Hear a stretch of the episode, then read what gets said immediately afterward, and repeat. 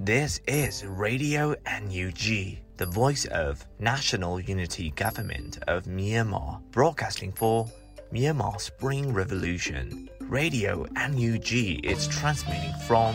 shortwave 16 meter 17.79 megahertz at 8:30 a.m. and 25 meter 11.94 megahertz at 8:30 p.m. Myanmar Standard Time. မင်္ဂလာပါခင်ဗျာ အမျိုးသားညီညွတ်ရေးအစိုးရရဲ့အတန်လွင့်ဌာန Radio NUG ကိုမနက်ပိုင်း၈နာရီခွဲမှာလိုင်းတို16မီတာစက္ကန့်တက်သမ9 MHz ညပိုင်း၈နာရီခွဲမှာလိုင်းတို25မီတာ17တက်သမ6 MHz တို့မှာဓာတ်ရိုက်ဖမ်းယူနိုင်နိုင်ပါပြီမင်္ဂလာအပေါင်းနဲ့ပြည့်စုံကြပါစေအခုချိန်ကစပြီး Radio NUG အစီအစဉ်တွေကိုဓာတ်ရိုက်အတန်လွှင့်ပေးနေပါပြီ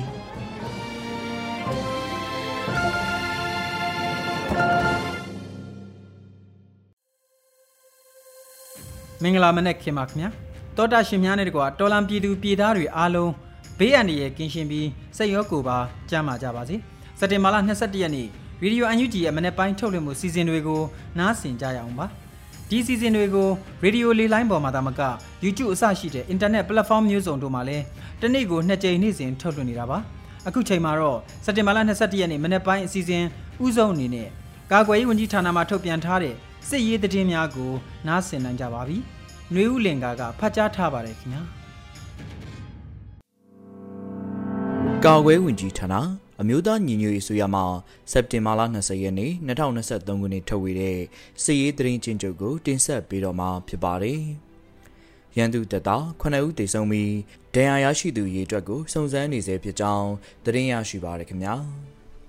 အာနာသိန်းအကြမ်းဖက်စစ်တပ်နဲ့တိုက်ပွဲဖြစ်ပွားမှုသတင်းတွေကိုတင်ဆက်ပေးကြပါမယ်။မန္တလေးတိုင်းမှာစက်တင်ဘာလ19ရက်နေ့ညပိုင်းမှာမြင်းကြံမြို့နယ်မြင်းကြံမြို့အမှတ်1ရဲစခန်းခမာယ15မြင်းကြံတာမခ69တရင်တဲတို့ပြည်သူ့ကာကွယ်တပ်မတော် PDF မြင်းကြံခရိုင်တရင်ရှင်နဲ့မဟာမိတ်ပူးပေါင်းတပ်ဖွဲ့များက drone နဲ့ဘုံတိချတိုက်ခိုက်ခဲ့ကြောင်းသတင်းရရှိပါရခင်ဗျာ။ မကွေးတိုင်းမှာစက်တင်ဘာလ19ရက်နေ့နေ့လယ်3နာရီမှညနေ4နာရီချိန်ခန့်အထိပခုတ်ကူမြို့နယ်ကမီမြို့အခြေဆိုင်ရန်သူလက်အောက်ခံဝင်ကြီးဌာနရုံးများ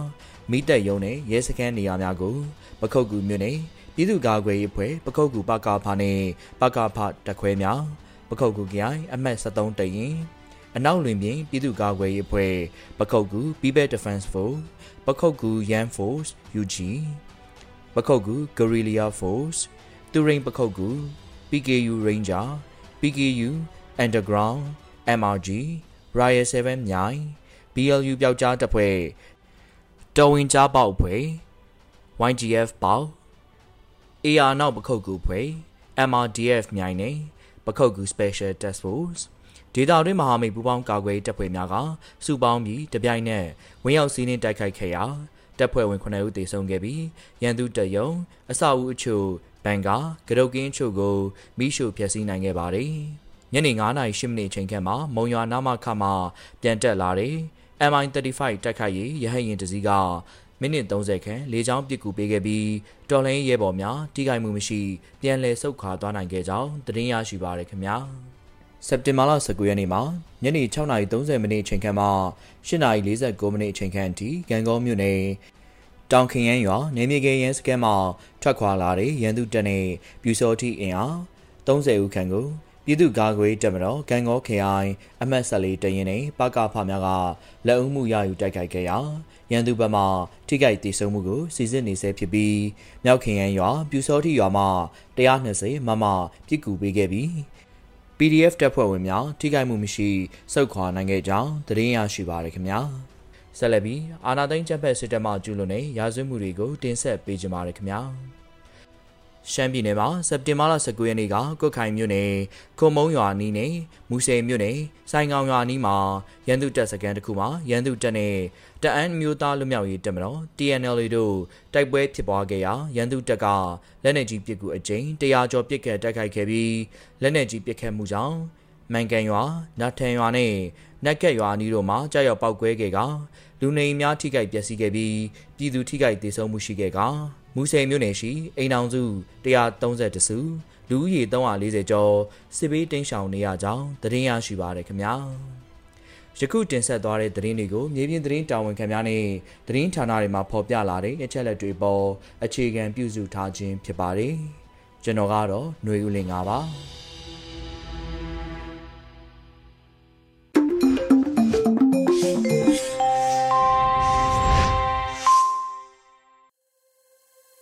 ຫນွေဦးလင်္ကာကစစ်ရေးသတင်းများကိုတင်ပြသွားတာပါဆက်လက်ပြီးနားဆင်ရမှာကတော့ຫນွေဦးမွန်ဖတ်ကြားတင်ပြမယ်ပြည်တွင်းသတင်းများပဲဖြစ်ပါတယ်ခင်ဗျာမင်္ဂလာမနက်ခင်းပါရှင်2023ခုနှစ်စက်တင်ဘာလ21ရက်နေ့ Radio Energy ပြည်တွင်းသတင်းတွေကိုတင်ပြပေးသွားပါမယ်ကျွန်မကတော့ຫນွေဦးမွန်ပါ စကိုင်းတိုင်း area အတွင်းကအဖွဲ့အစည်းတွေနဲ့တွေ့ဆုံညှိနှိုင်းရေးကိုကောင်းထဲဖော်တဲ့အခါမှာမိတ်ဆွေများကိုရန်သူမလို့ရေးမှုအပေါ်မှာခြေခံသင့်တယ်လို့ယာယီသမရပြောကြားတဲ့အကြောင်းအရာကိုတင်ပြပေးပါမယ်။မြို့သားညီညွတ်ရေးအစိုးရပြည်ထောင်စုအစိုးရနှင့်ပြည်내 ဖက်ဒရယ်ယူနစ်များအကြားပူးပေါင်းဆောင်ရွက်ရေးကော်မရှင်အစည်းအဝေးနှစ်မြင့်ဆောင်2023နိုင်မြို့သားညီညွတ်ရေးအစိုးရအဖွဲ့၏ယာယီသမရဒူဝါလက်ရှိလာကအခုလိုပြောကြားခဲ့ပါတယ်။စကိုင်းတိုင်းဧရိယာအတွင်းကအဖွဲ့အစည်းတွေနဲ့တွဲဆုံညှိနှိုင်းရေးကိုကောင်းထည်ဖော်တဲ့အခါမှာ အထူးသတိမူသင့်တဲ့ချက်တချို့ကိုပြောချင်ပါတယ်အထူးသဖြင့်မိတ်ဆွေများကိုရန်သူမလို့ရေးမှုပေါ်မှာအခြေခံသင့်တယ်လို့ယူဆပါတယ်ကျွန်တော်တို့ဟာတော်လိုင်းအင်အားစုအသီးသီးရဲ့အင်အားတွေကိုစူးစီးယူရမှာဖြစ်ပါတယ်ဒါကြောင့်မိမိတို့နဲ့မိဘအစုအဖွဲ့တွေထဲမှာရန်သူအစ်စ်မမွေးမိဖို့လိုပါတယ်ဒါဟာအထူးသတိထားရမယ့်ကိစ္စလို့ယူဆပါတယ်ကျွန်တော်တို့မြို့သားညီညွတ်ရေးအစိုးရဟာနိုင်ငံရေးသဘောထားကြီးမှုကိုထင်ထင်ရှားရှားပြသရပါလိမ့်မယ်။ဒါအပြင်မိမိတို့ရဲ့စိတ်ကိုဖွင့်ထားပြီးဒေသရင်းအင်အားစုအသီးသီးကိုလက်ကမ်းကြိုးစုဖို့လိုအပ်ပါတယ်လို့ယာယီသမရကပြောပါတယ်။ ဒါအပြင်သခိုင်းတိုင်းတွေကအင်အားစုအသီးသီးနဲ့ချစ်လက်သောနိုင်ငံရေးညီညွတ်မှုကိုဖော်ဆောင်နိုင်ရေးဟာနှွေဦးဒေါ်လာရဲ့ရေပေါ်လုပ်ငန်းစဉ်တစ်ခုလို့ယူဆတယ်လို့ယာယီသမရကပြောပါတယ်။ပြည်ထောင်စုအစိုးရနဲ့ပြည်내ဖက်ဒရယ်ယူနစ်များအကြားပူးပေါင်းဆောင်ရွက်ရေးကော်မရှင်အစည်းအဝေး FSCC ကိုပြည်ထောင်စုဝန်ကြီးချုပ်နဲ့တကွပြည်ထောင်စုဝန်ကြီးများဒုတိယဝန်ကြီးများဆိုရဖွဲ့ဝင်များနဲ့ FSCC ကော်မရှင်အဖွဲ့ဝင်များတက်ရောက်ခဲ့ကြပါတယ်ရှင်။ဩစတြေးလျနိုင်ငံဆောက်ဩစတြေးလျပြည်နယ် Adelaide မြို့၌ကျင်းပပြုလုပ်သော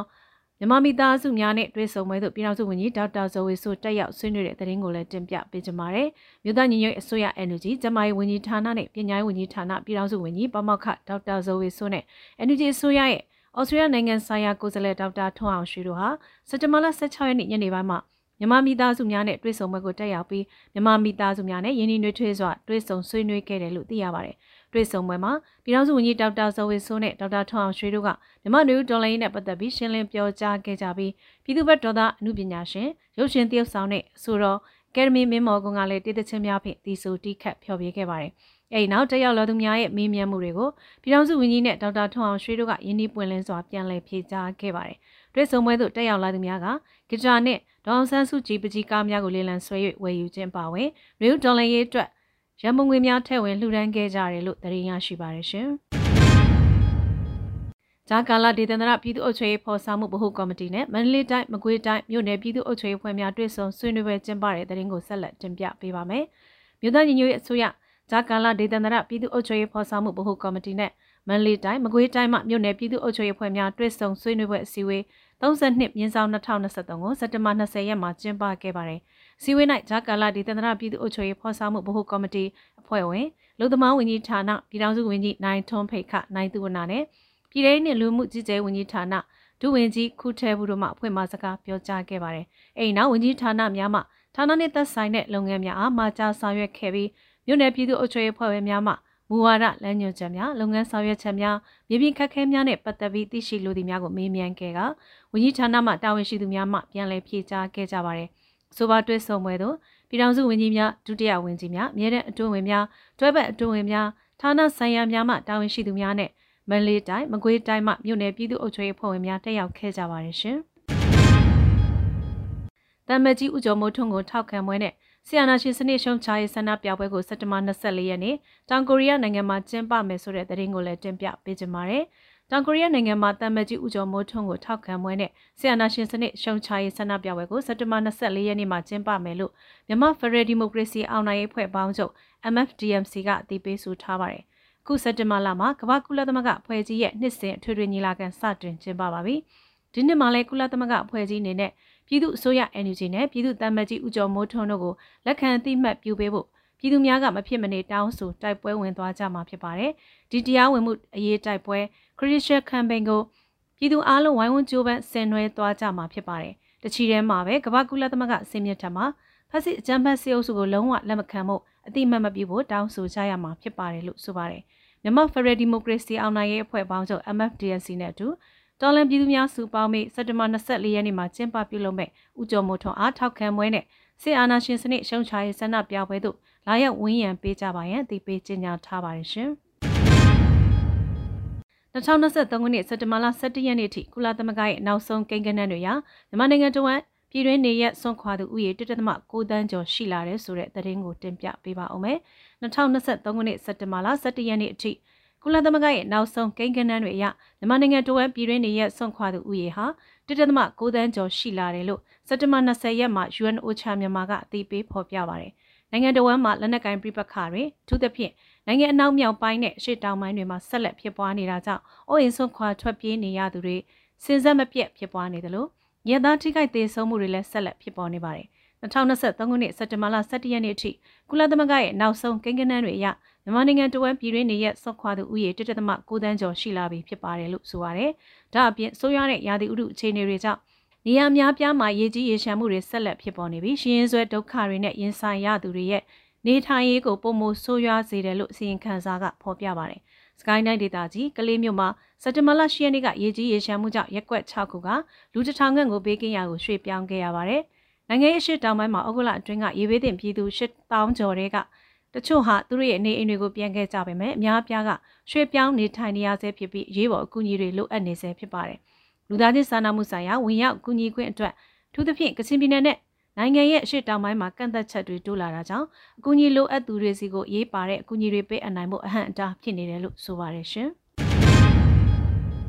ဝင်းရမြို့နယ်ကြေးရွာတွင်းရှိပြည်သူပိုင်းအိုးအိမ်များအားချမ်းဖက်စစ်ကောင်စီတပ်မှဝင်ရောက်မှွေနှောက်ဖျက်ဆီးတဲ့တဲ့ရင်ကိုဆက်လက်တင်ပြပေးပါမယ်။စက်တင်ဘာ20ရက်မှာ KNU ဗဟိုကသတင်းထုတ်ပြန်ထားပါတယ်။ဝင်းရမြို့နယ်ဒကွန်နိုင်ရဲစခန်းသို့အင်အားဖြည့်တင်းရန်စစ်ကြောင်းထိုးဝင်ရောက်လာသောကြောင့်စက်တဘာလ14ရက်နနက်8နာရီချိန်ကမှစတင်ပြီးနှစ်ဖက်ထိတွေ့ပစ်ခတ်မှုများဖြစ်ပွားခဲ့ပြီးနောက် KNL ဒေါ်လန်ပူပေါင်းရေးတပ်ဖွဲ့နဲ့အနာသိန်းချမ်းမစစ်ကောင်စီတပ်တို့ကြားစီးရေးတင်မှမှုများရှိလာခဲ့တယ်လို့ဆိုပါတယ်။ အနာသိန်းချမ်းမစစ်ကောင်စီတပ်မှထို့သို့စစ်ကြောင်းထိုးလာသည့်အတွက်ဝင်းရမြို့နယ်ကလဲအုပ်စုနဲ့ဒဂုနိုင်ကျေးရွာအုပ်စုတချို့ခံမှန်းချေစစ်ပေးရှောင်းတထောင်ကျော်မှာမိမိတို့၏ကျေးရွာနှင့်နေအိမ်များအားဆွန့်ခွာပြီးမြို့ပေါ်သို့၎င်းမိမိတို့၏ဆွေမျိုးသားချင်းနေထိုင်ရာကျေးရွာတွေကိုတို့၎င်းတိမ်းရှောင်နေကြရပါတယ်။ဆိုပါစီဗေးရှောင်ပြည်သူများရဲ့အခြေရွာတွင်သို့အာနာသိန်းကျမစစ်ကောင်စီတပ်မှနေရာယူတက်ဆွဲထားကပြည်သူပိုင်းအိုးအိမ်များအားဝင်ရောက်ဖျက်ဆီးခြင်းအိမ်တွင်းရှိပစ္စည်းမှန်သမျှမှွေနောက်ဖျက်ဆီးခြင်းတမိုးကြီးပစ္စည်းများအားယူဆောင်သွားခြင်းစသည်များပြုလုပ်နေတယ်လို့ဆိုပါတယ် စက်တမလ14ရက်နေ့မှစက်တမလ18ရက်အတွင်းအနာသိန်းကျမစစ်ကောင်စီတပ်များမှလက်နက်ကြီးတွေနဲ့ရန်တမ်းပစ်ခတ်နေတာကြောင့်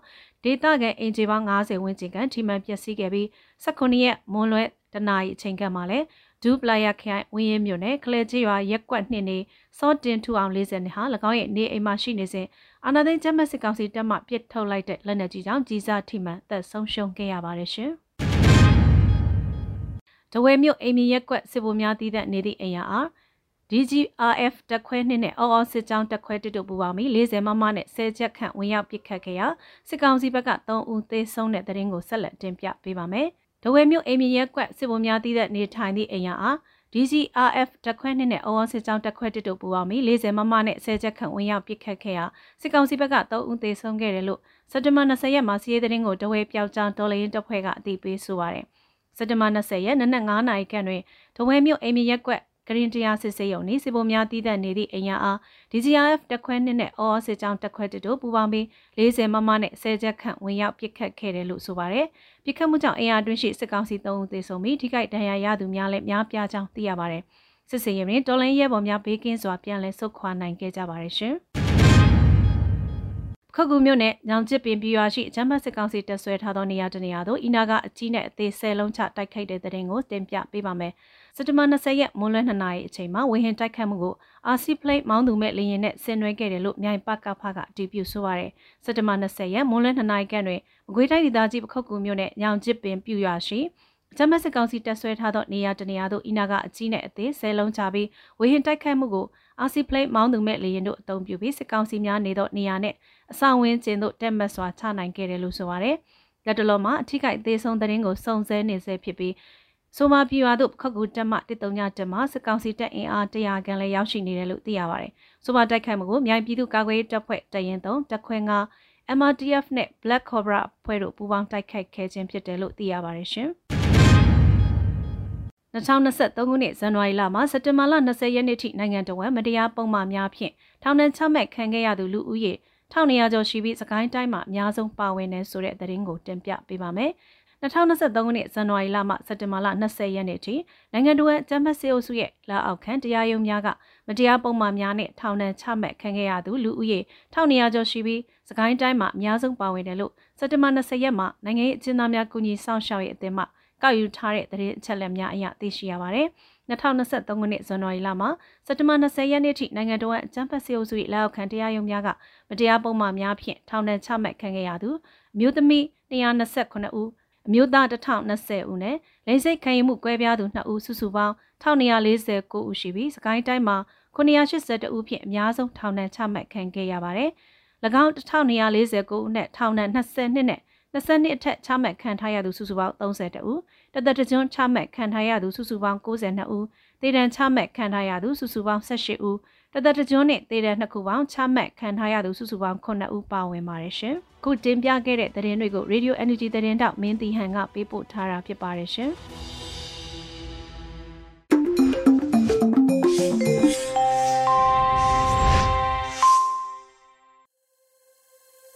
က်တင်ဘာလ22ရက်နေ့ Radio UNG ရဲ့မနေ့ပိုင်းအတန်လွှင့်စီစဉ်တွေကိုနားဆင်နေရတာပါအခုတဖန်တော်လိုင်းရေးကြပြအစီအစဉ်မှာမောင်လင်းရိပ်ရေးပြီးຫນွေဦးမိုးဖတ်ကြားထားတဲ့ရွက်လွင့်ချင်းတို့ဆိုတဲ့တော်လန်ကြပြရတ္တာကိုနားဆင်တော်မူကြပါခင်ဗျာ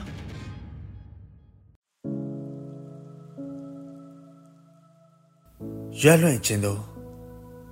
စင်စားလုံးစစ်အာဏာရှင်ခေတ်လွန်ရောက်ပြီလားလို့တနှစ်တုံးစီကထင်မှတ်မှားခဲ့ရင် ကြပြဆရာတယောက်ဟာ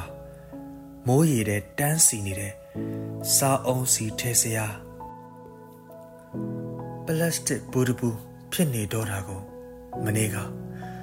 မိုးတစ်ဖြောက်ဖြောက်ရွာချနေတဲ့ခေမာတီလမ်းမပေါ်မှာတွေ့လိုက်ရမပြီးသေးဘူးဒီနေ့ကိုယ်အိမ်ရှိလမ်းပေါ်ရက်ွက်ထဲကမိန်းမတွေလာကြသွားကြ ရက်နိုင်ပေလောက်ရအောင်မဲ့အကြောင်းပြောကြလို့ခုမှရက်နိုင်ပေတောင်းနိုင်ပေအရွယ်လို့ထင်ရင်တော့မှားမယ်လို့တည်င်းလှမ်းပို့သူရှိတယ်မျိုးကလူတွေသာရက်နိုင်ပေလုံရင်တရွေ့ရွေ့လူတန်းကြီးကိုရွှေလို့ရက်ခံကြငါတို့ရဲ့ညာတန်းတွေဟာရက်နိုင်ပေဆိုတဲ့အမှတ်ထက်ဘယ်နဲ့စင့်စီခုန်ပြန်နေခဲ့ပြီလဲငှက်တွေပြန်နေတဲ့ကောင်းကင်ရန်ကိုတော့ ပိုးဖလန်တွေတက်လိုက်လာနေကြပိုးဖလန်မျိုးမိကိုတူကိုကျိုးငဲ့သူမဟုတ်ချေဆိုတဲ့တန်ပတ်ကိုအတန်ပေါက်အောင်អော်ကြခစ်နဲ့အတူပြေးတဲ့အမှုပညာဟာနောက်ပြန်ပြေးတဲ့ခစ်ကိုငေးရင်ခစ်ဝေးတေးဆူမလားမေးမြန်းကြညာတန်ဆိုတာညာတန်မဟုတ်ကြောင်အတန်နားထောင်ရုံနဲ့အသက်ရှူပုံမဝေခွဲနိုင်ရင်အသက်ထွက်ရရဲ့ အဆက်အဆက်ဒေတာကိုသာရွက်လွှင့်လိုက်ပါမိတ်ဆွေမောင်လင်းရိပ်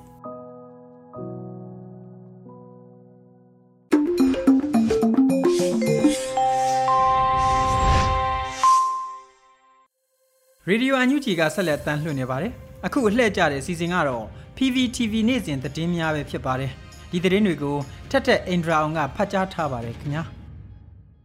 အခုချိန်ကစပြီး PVTV သတင်းတွေကိုတင်ဆက်ပေးတော့မှာပါကျမထက်ထက်အင်ဒရာအောင်ပါ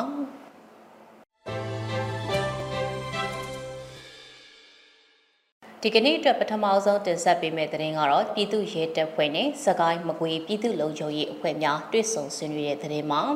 အမျိုးသားညီညွတ်ရေးအစိုးရပြည်ထောင်စုနဲ့လူဝင်မှုကြီးကြပ်ရေးဝန်ကြီးဌာနပြည်သူ့ရဲတပ်ဖွဲ့နဲ့စကိုင်းမကွေပြည်သူ့လုံခြုံရေးအဖွဲ့များတွဲဆုံဆွေးနွေးပွဲအစည်းအဝေးအမှတ်စဉ်38မြင်းဆောင်2023ကိုစက်တင်ဘာလ19ရက်မနက်7:00နာရီမှာပြုလုပ်ခဲ့ပါတယ်။အစည်းအဝေးမှာပြည်ထောင်စုနဲ့လူဝင်မှုကြီးကြပ်ရေးဝန်ကြီးဌာနအမြဲတမ်းအတွင်းဝင်ရေးဆွေးနွေးမှုနဲ့စတင်ခဲ့ပြီးတော့တွဲဘက်အတွင်းဝင်နဲ့ပြည်သူ့ရဲတပ်ဖွဲ့ရဲချုပ်တို့ကဆွေးနွေးခဲ့ပါတယ်။ အဲဒီနောက်တက်ရောက်လာကြတဲ့ပြည်သူ့လုံခြုံရေးအဖွဲ့ခေါင်းဆောင်တွေကလုံခြုံရေးနဲ့တရားဥပဒေစိုးမိုးရေးဆောင်ရွက်နေမှုများဥပဒေဆိုင်ရာသိရှိလိုတဲ့အချက်များမြေပြင်အခြေအနေအခက်အခဲများအားတင်ပြဆွေးနွေးကြရာအမြဲတမ်းအတွင်းဝန်တွဲဘက်အတွင်းဝန်တို့ကဆွေးနွေးတင်ပြချက်တွေကိုရှင်းလင်းပြောကြားတာနဲ့လိုအပ်ချက်တွေကိုညှိနှိုင်းဖြည့်ဆည်းပေးတာတွေပြုလုပ်ခဲ့ပါတယ်။ အအစည်းအဝေးကိုပြည်ထောင်စုလူဝင်မှုကြီးကြပ်ရေးဝန်ကြီးဌာန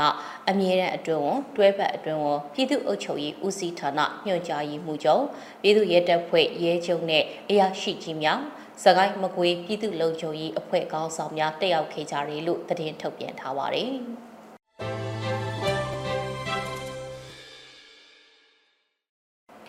ဆာတင်ဆက်ပေးမဲ့တဲ့ရင်ကတော့ဘိုးနဂါရဲ့ live လွှင့်ပြောဆိုချက်တွေကမှားယွင်းတဲ့ဆွဆွဲပြောဆိုမှုတွေဖြစ်တယ်လို့ရမပင်ခရိုင်တရင်လီရင်ကစုပေါင်းပြီးစထုတ်ပြန်အသိပေးတဲ့တဲ့မှာ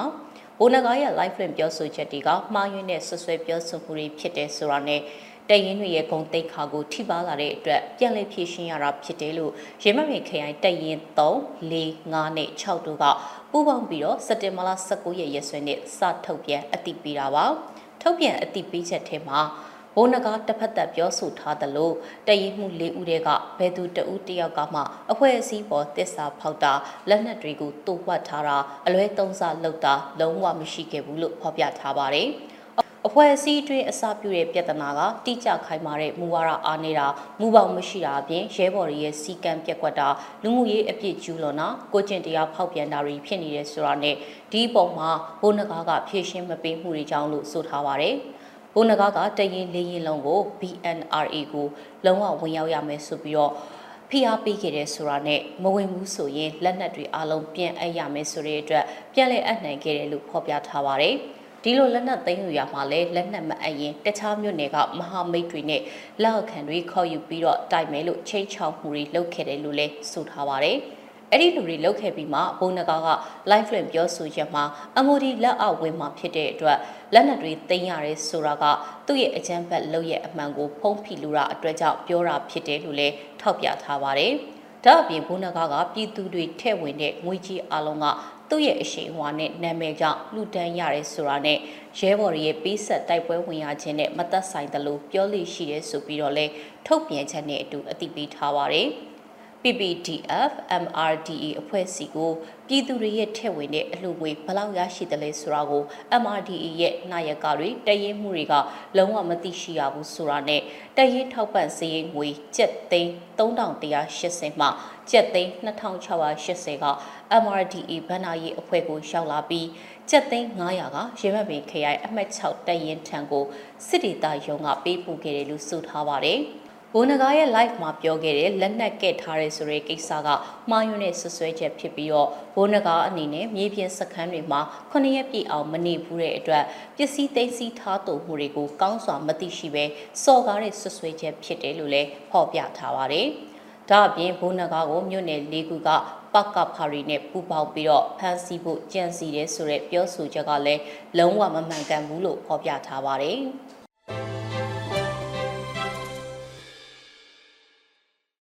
မိုးကုတ်မူဆယ်နဲ့ကော့ခိုင်မှာ TNL နဲ့အကြမ်းဖက်စစ်တပ်တို့ကြားမနေ့ကတိုက်ပွဲ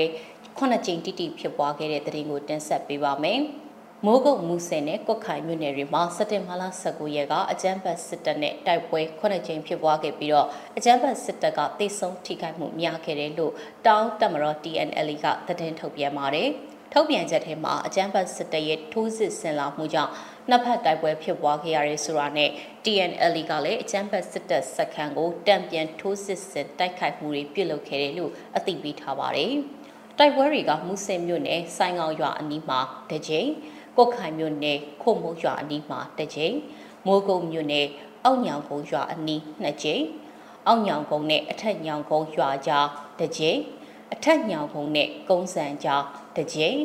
ဖြူအောင်ရွာအနီးတစ်ကြိမ်ဖြစ်ပွားခဲ့တယ်လို့ထုတ်ပြန်ချက်မှာဖော်ပြထားပါတယ်။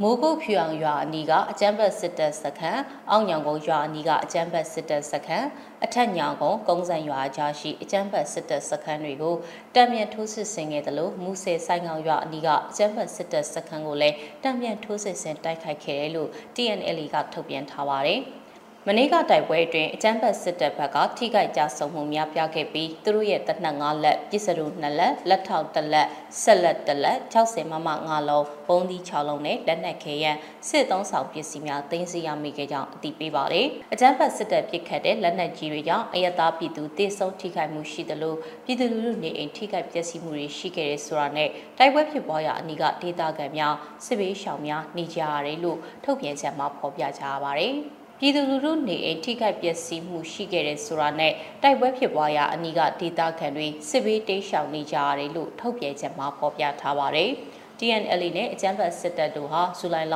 23ရက်နေ့ကနေမနေ့ကအထိတိုက်ပွဲပေါင်း52ကြိမ်ဖြစ်ပွားခဲ့ပါတယ်။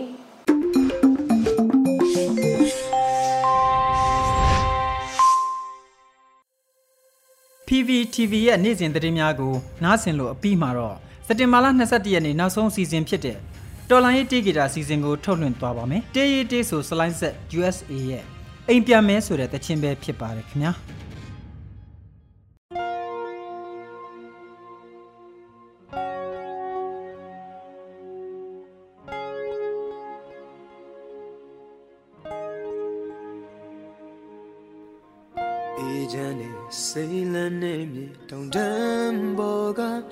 စ္စာတရားမြေရိုးမြေငင်းချမ်းနဲ့ငရိုးရဲ့အတိုင်းငယ်အရက်ဆက်ဆုံးအထီနာခဲ့တယ်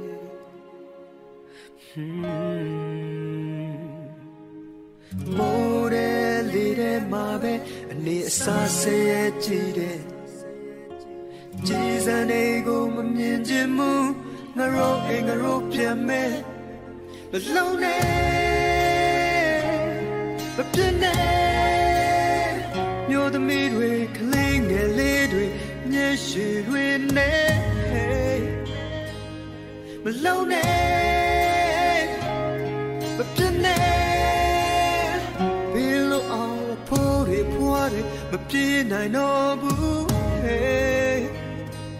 ကြည်စံတွေ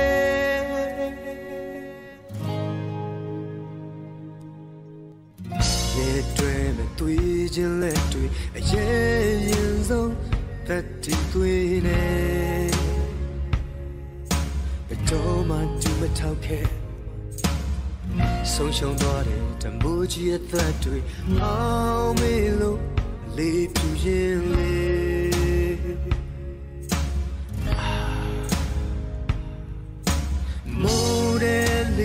မှာပဲအနေအစားဆဲရဲ့ကြည့်တယ်ကြည် စံနေကိုမမြင်ချင်မှုငါတို့အိမ်ငါတို့ပြန်မဲ့လုံးနေမပြင်းနဲ့မြို့သမီးတွေကလေးငယ်လေးတွေမျက်ရှိတွေနဲ့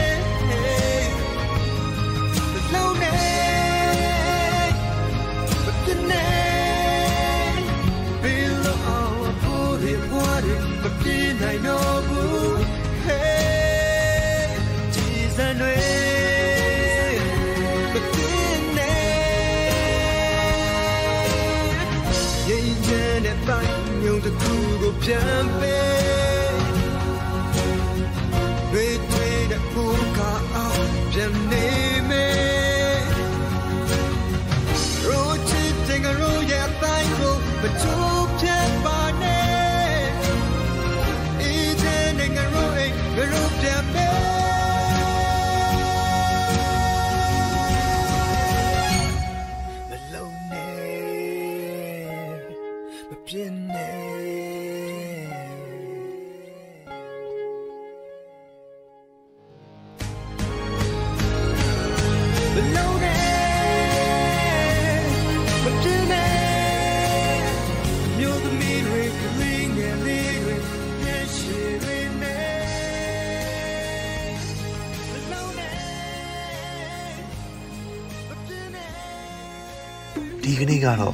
ဒီညနေပဲ Radio NUG ရဲ့အစည်းအဝေးကိုခਿੱတရနာလိုက်ပါမယ်မြန်မာစံတော်ချိန်မနက်၈နာရီခွဲနဲ့ည၈နာရီခွဲအချိန်တွေမှာပြန်လည်ဆုံးဖြတ်ကြပါစို့ Radio NUG ကိုမနက်ပိုင်း၈နာရီခွဲမှာလိုင်းဒို16မီတာစက္ကန့်တသမ9 MHz ညပိုင်း၈နာရီခွဲမှာလိုင်းဒို25မီတာ17သမ6 MHz တို့မှာဓာတ်ရိုက်ဖမ်းယူနားဆင်နိုင်ပါပြီမြန်မာနိုင်ငံသူနိုင်ငံသားများကိုယ်စိတ်နှပြကျန်းမာချမ်းသာလို့ဘေးကင်းလုံခြုံကြပါစေလို့ Radio NUG အဖွဲ့သူအဖွဲ့သားများကဆုတောင်းလိုက်ရပါတယ်။အမျိုးသားညီညွတ်ရေးအစိုးရရဲ့စက်သွေးရေးသတင်းအချက်အလက်နဲ့ဤပညာဝန်ကြီးဌာနကထုတ်လွှင့်နေတဲ့ Radio NUG ဖြစ်ပါတယ်။ San Francisco Bay Area အခြေစိုက်မြန်မာမိသားစုများနဲ့နိုင်ငံတကာကစေတနာရှင်များလှုပ်အားပေးများရဲ့ Radio NUG ဖြစ်ပါတယ်